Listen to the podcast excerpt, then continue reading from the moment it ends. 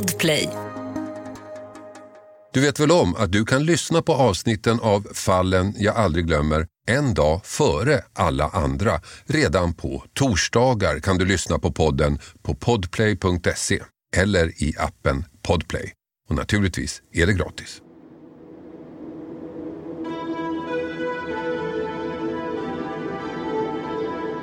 Vi tar fotografier, snabbframkallas och då tar jag det här fotot och så åker jag ut till Polishögskolan och knallar in i en pågående klass och så drar jag förutsättningarna att det här har hänt.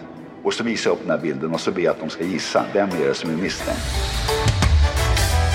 En mordutredning har ju tre stycken faser. Det är före, under och efter. Ingen människa dör så att säga by accident utan det finns alltid en mer eller mindre rationell förklaring till det.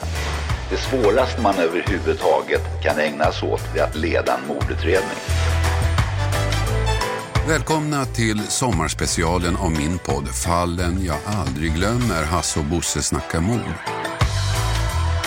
Och Bosse, det är Bo Åström, den tidigare kommissarien som kallas 22-0 eftersom han löste 22 mord på raken. Och det är Bosse som väljer fallen, de han aldrig glömmer.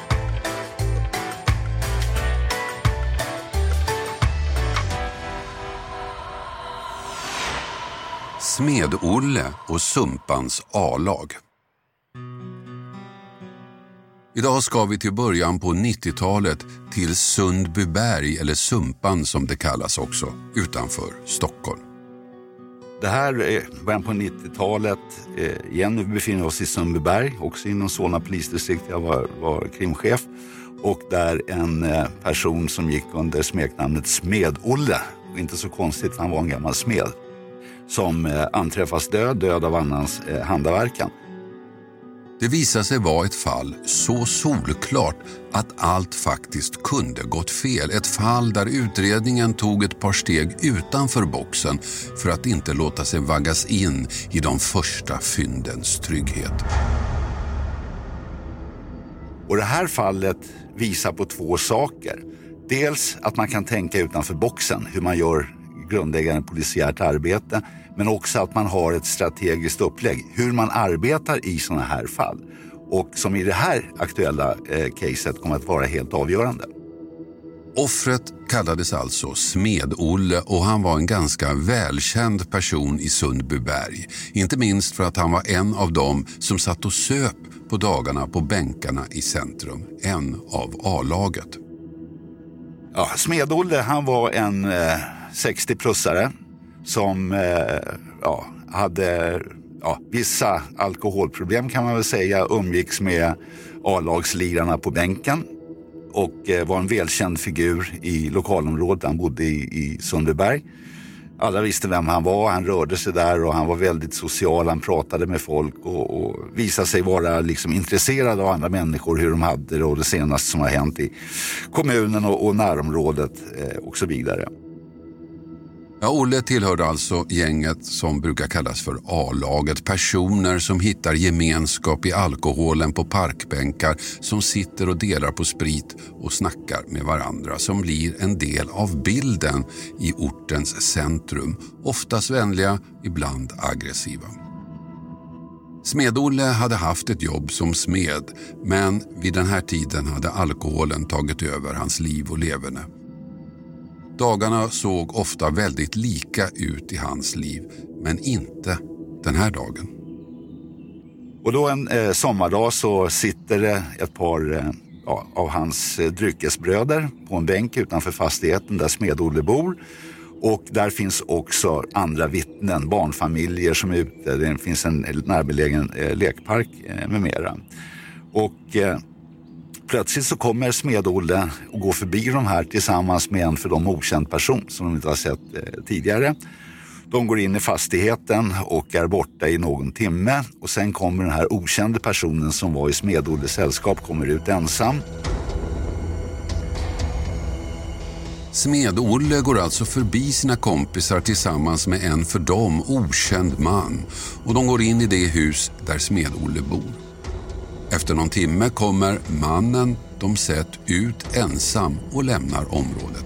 Egentligen inget konstigt kan man tycka och det tyckte inte kompisarna på bänken heller. I alla fall inte till en början. Efter ett tag, det har gått någon timme till, så säger de här uh, dryckesbröderna på bänken att fan gå upp och snacka med Smed-Olle, se till att han kommer ner får vi liksom kötta lite med honom. Så, här. så uh, i alla fall uh, en av dem går upp i, i lägenheten och ringer på, får inte något svar, bankar på dörren och tittar in genom brevinkastet och ser då liksom ett par fötter som ligger raklångt på golvet. Plötsligt blev den vanliga dagen inte så vanlig längre. På hallgolvet i sin lägenhet ligger Smed-Olle död mördad. Och teknikerna på platsen de eh, hittar jäkla massa spår. Alltså han är ihjälslagen med trubbigt våld och där finns fingeravtryck i offrets blod som inte tillhör offret och så vidare. Och så vidare. Och eh, det här säkras i vanlig, sedvanlig ordning och skickas då för analys och det visar sig att det finns ingen träff i våra register på den här personen. Ett fingeravtryck i blodet Bra bevis kan man tycka. Och det kom fler bra spår för kriminalteknikerna var ju inte de enda på platsen. Där fanns ju också andra poliser. Spanare som då börjar knacka dörr och prata med de här på eh, bänken och försöker identifiera de här andra vittnena, vilket de gör ganska, ganska tidigt.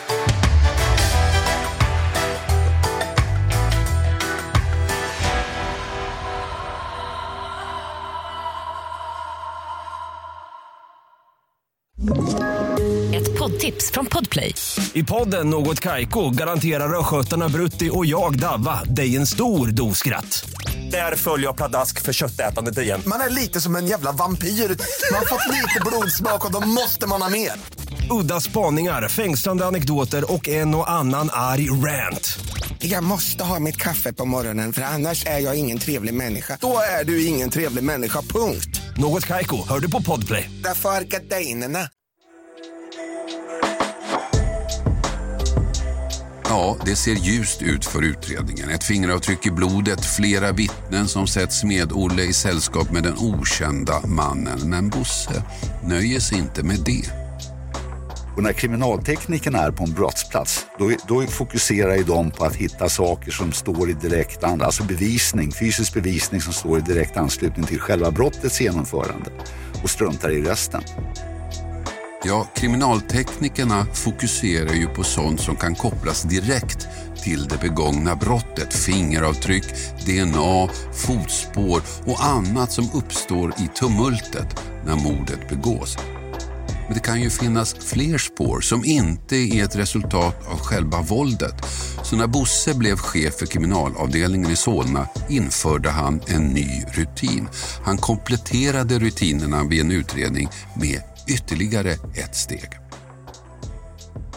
Så ganska tidigt när jag var krimchef så införde vi det att efter kriminalteknikerna var klara på plats, de kommer lämna en avrapportering för mig, så sa jag okej, okay, har ni dammsugit den här jävla lägenheten nu eller brottsplatsen? Så det finns inga spår kvar, det finns inga överraskningar som kan dyka upp. Nej, det är ordentligt gjort och dokumentationen finns här och bla bla bla. Och så skedde också i den här utredningen. När kriminalteknikerna var klara och alla känsliga fysiska bevis säkrade, ja, då tog spanarna över och utan risk att förstöra några känsliga spår eftersom de redan var säkrade så kunde de fortsätta brottsplatsundersökningen. Och då släpper jag in mina spanare. Och spanarna skiter ju i den fysiska bevisningen. De letar efter andra saker, anteckningar, dagböcker, fotografier, what else? Det kan vara biljetter, man ser liksom vad han har rört sig på den senaste tiden och så vidare. Och tror inte på fan så hittar man en annan persons körkort inne i lägenheten. Ja, nu verkar ju saken vara klar. Ett körkort med namn och personnummer på en person, fingeravtryck som kan jämföras med personen. Det verkar glasklart vad som hänt. Spritflaskorna på bordet visar att det druckits en hel del. Plötsligt uppstår bråk, en av de två blir ihjälslagen. Ett typiskt fyllemord som det kallas. Men gärningsmannen lämnar alltså både fingeravtryck och eventuellt sitt egna körkort på platsen. Case closed skulle man kunna säga. Men det gör inte Bosse. Han vill ha mer. För han kommer ihåg ett annat fall som inträffade något år tidigare. Också det ett fyllemord. Två personer och en brännvinsflaska. En mördas, fingeravtryck från den andra finns i blodet. Också glasklart kan man tycka. Och då är det så att det är en person precis likadan som Smedolle. Han har lite fyllebeteenden. Han har en fyllekamrat eller supkamrat i lägenheten och eh, han eh, anträffas död. Och då visar det sig, han är ihjälslagen, och då visar sig när teknikerna är där och gör sin eh, undersökning att man hittar på stickkontakten, alltså på den fasta telefoni som fanns på den tiden, så finns ett fingeravtryck som är avsatt i offrets blod och man lyckas hitta den här personen. Och då säger man det är solklart case. Ja, det verkar ju solklart. En persons fingeravtryck i blodet. Personen tas in, han förhörs gång på gång. Utredarna i det här fallet berättar inte att de har fingeravtrycken. De vill höra hans historia först. Men mannen nekar. Och då, när förhörsledarna avslöjar att de har hans fingeravtryck, ja, då kommer det en förklaring. Och då säger han, aha, ja men det är så här att när jag var där för tre, fyra veckor sedan så satt vi och delade på en flaska vodka. Och då fick plötsligt den här personen, offret, då fick han en störtblödning och trillar ihop på golvet. Och eh, kompisen då, supkompisen, han gör livräddande åtgärder och kollar vad är läget. Och sen ska han ringa då 90 000 på den tiden. Och telefonen är död. Och då ser han att telefonjacket är utdraget. Han har ju varit och tafsat på kroppen och torkat bort blod och gjort livräddande åtgärder och stoppar in den där igen och ringer 90 000. Den här uppgiften är ju lätt att kolla för på larmcentralen spelas ju alla samtal in. Ja, och mycket riktigt. Den misstänkte har ringt dit för flera veckor sedan och ambulans har skickats till platsen. Allt finns dokumenterat. Så polisens bästa spår går förlorat. Mannen släpps fri för att han antagligen är oskyldig och den rätta mördaren hittas aldrig. Från ett solklart läge till ett misslyckande. Och där vill inte Bosse hamna med utredningen om mordet på Smed-Olle i Sundbyberg. Så Bosse nöjer sig inte med fingeravtrycket för det kanske kan förklaras bort. Liksom körkortet. Nej, han vill ha mer. Han vill ha ett utpekande. Han vill att vittnen med säkerhet ska säga att den misstänkte är mannen som de såg tillsammans med Smed-Olle timmen före mordet. Och för att få det måste han arrangera en konfrontation vilket kan vara en risk. En konfrontation är alltså där en misstänkt person placeras tillsammans med en grupp andra människor och så får vittnen försöka peka ut vem av personerna som de faktiskt sett. Och Det här måste göras minutiöst noggrant, annars kan det gå åt skogen, som i Palmeutredningen. Christer Pettersson grips och det arrangeras en konfrontation. En konfrontation där Lisbeth Palme ska vittna. Och det går helt fel. För alla andra i gruppen är skötsamma poliser och så kommer Christer Pettersson. Det ser man ju direkt vem som är knarkare, säger då Lisbeth Palme. Och i rättegången avvisas hela vittnesmålet och Christer Pettersson går fri. Här vill inte Bosse hamna med sin konfrontation. Gruppen måste vara homogen. Den misstänkta får inte sticka ut från de andra. Så om vittnen kan peka ut rätt person så är det på grund av dennes utseende, inget annat. Här gäller det alltså att få ihop en grupp med människor som påminner om den misstänkte när det gäller kläder, stil och annat ytligt. Och hur fasen hittar man en konfrontationsgrupp? Som passar in, alltså ta bara Palmeutredningen som ett bra exempel på en dålig konfrontationsgrupp. Då tänker vi utanför boxen, än en gång. Och då åker vi till bolaget strax före eh, öppningen och erbjuder de här som står utanför att de ska få en macka och en pilsner i, i eh, polishusrestaurangen om de ställer upp på den här konfrontationen. Och vi fick ihop en jäkligt bra grupp som vi fick till och med kasta ut folk ur polisbussen som ville vara med.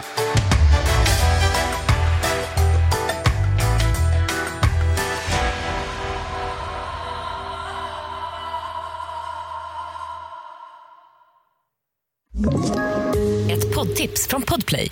I podden Något Kaiko garanterar östgötarna Brutti och jag, Davva, dig en stor dos skratt. Där följer jag pladask för köttätandet igen. Man är lite som en jävla vampyr. Man har fått lite blodsmak och då måste man ha mer. Udda spaningar, fängslande anekdoter och en och annan arg rant. Jag måste ha mitt kaffe på morgonen för annars är jag ingen trevlig människa. Då är du ingen trevlig människa, punkt. Något Kaiko, hör du på Podplay. Därför är Ja, utanför Systembolaget fanns de alltså. De som kunde bli en bra grupp. En bra grupp är att de har samma så att säga sociala status, eh, samma utseende, samma längd, samma kroppsbyggnad eh, med mera som den då som vi hade som misstänkt som var då innehavare av det här körkortet. Så att inte den misstänkte sticker ut Yes. från gruppen på Exakt. ett onaturligt sätt. Och, och, och det finns ju olika sätt att testa det där på. Så vi får ihop den här gruppen i alla fall och eh, ställer upp dem tillsammans med den misstänkte som vi då har hämtat in till förhör utan föregående kallelse. Men Bosse stannar inte där. För att verkligen säkra upp konfrontationen tar han en bild på alla i gruppen och åker till polisskolan. Vi tar fotografier, snabbframkallas och då tar jag det här fotot och så åker jag ut till Polishögskolan och knallar in i en pågående klass. Och så drar jag förutsättningarna att det här har hänt. Väldigt, väldigt generiskt, generellt. Och så visar jag upp den här bilden och så ber jag att de ska gissa. Vem är det som är misstänkt? Och då fick jag utfallet att det var jämnt fördelat på alla deltagare i den här konsultationsgruppen. Och det stärkte mig i min uppfattning att nu har vi en bra, bra grupp. Och när poliseleverna fick gissa på vem av dem på bilden som var misstänkt för ett brott så pekades olika personer ut och det visade en sak. Den misstänkte stack inte ut. Alla var ganska lika. Och nu och först nu genomförs konfrontationen på riktigt och den blir lyckad. Han pekas ut av vad det gäller de här kvinnorna som hade varit på lekplatsen, de här två eh, gubbarna som satt på bänken. Och eh, efter det då så blir han ju eh, anhållen och eh, daktad. Och det visar sig att allt vi hade anträffat i lägenheten kom ifrån den här personen. Ja, här slutar utredningen. Fingeravtrycket, det kvarglömda passet och inte minst vittnena i den väl förberedda konfrontationen räckte. Den misstänkte mannen viker ner sig och erkänner. Det var ju på det sättet att de hade, de hade blivit osams om en tidigare, eller rättare sagt tidigare brännvinsinköp som då de skulle dela på, eller han skulle få ersättning för i alla fall. Så hade de blivit osams om det och så hade det utvecklats till eh, ja, handgemäng och sen eh, hade han helt enkelt slagit igenom. Bosse menar att det var en sak som var avgörande i den här utredningen. Nämligen att inte nöja sig. Inte nöja sig med fingeravtrycket, inte nöja sig med passet. Nej, två gånger gick utredningen utanför boxen som Bosse uttrycker det. Två gånger gick man längre än förväntat och två gånger gav det avgörande resultat. Hade man inte skickat in spanarna i läge två så hade man aldrig hittat den här ledtråden till vem kan det vara när man hittar det här körkortet. Då hade det förblivit kvar i, i lägenheten. Och sen det andra att man stärker upp bevisningen, inte bara genom att man säger att det är dina fingeravtryck som finns i offrets blod, utan det finns annan stödbevisning. Det vill säga han är också utpekad i en konfrontation. Så det var ett vattentätt case. Första steget utanför boxen var alltså att inte nöja sig med kriminalteknikernas undersökning utan att göra ännu en när de var klara. En undersökning som gick ut på att hitta mer sånt som inte var kopplat till själva våldet. Och Det var då man hittade passet. Det andra steget var att inte nöja sig med det heller utan att få vittnen att peka ut den misstänkte i en konfrontation som var vattentät och det lyckades också när man hämtade personer utanför Systembolaget. Fingeravtryck, pass, vittnen och så också ett erkännande. Det blev en ganska enkel match för tingsrätten. Mannen dömdes.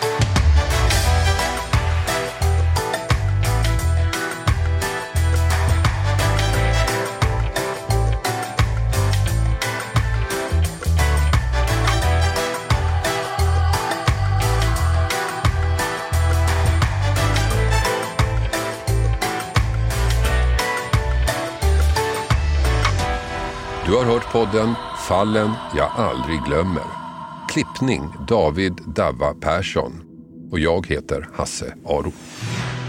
Du vet väl om att du kan lyssna på avsnitten av Fallen jag aldrig glömmer en dag före alla andra. Redan på torsdagar kan du lyssna på podden på podplay.se eller i appen Podplay. Och naturligtvis är det gratis. Podplay, en del av Ett poddtips från Podplay. I podden Något Kaiko garanterar östgötarna Brutti och jag, Davva, dig en stor dos skratt.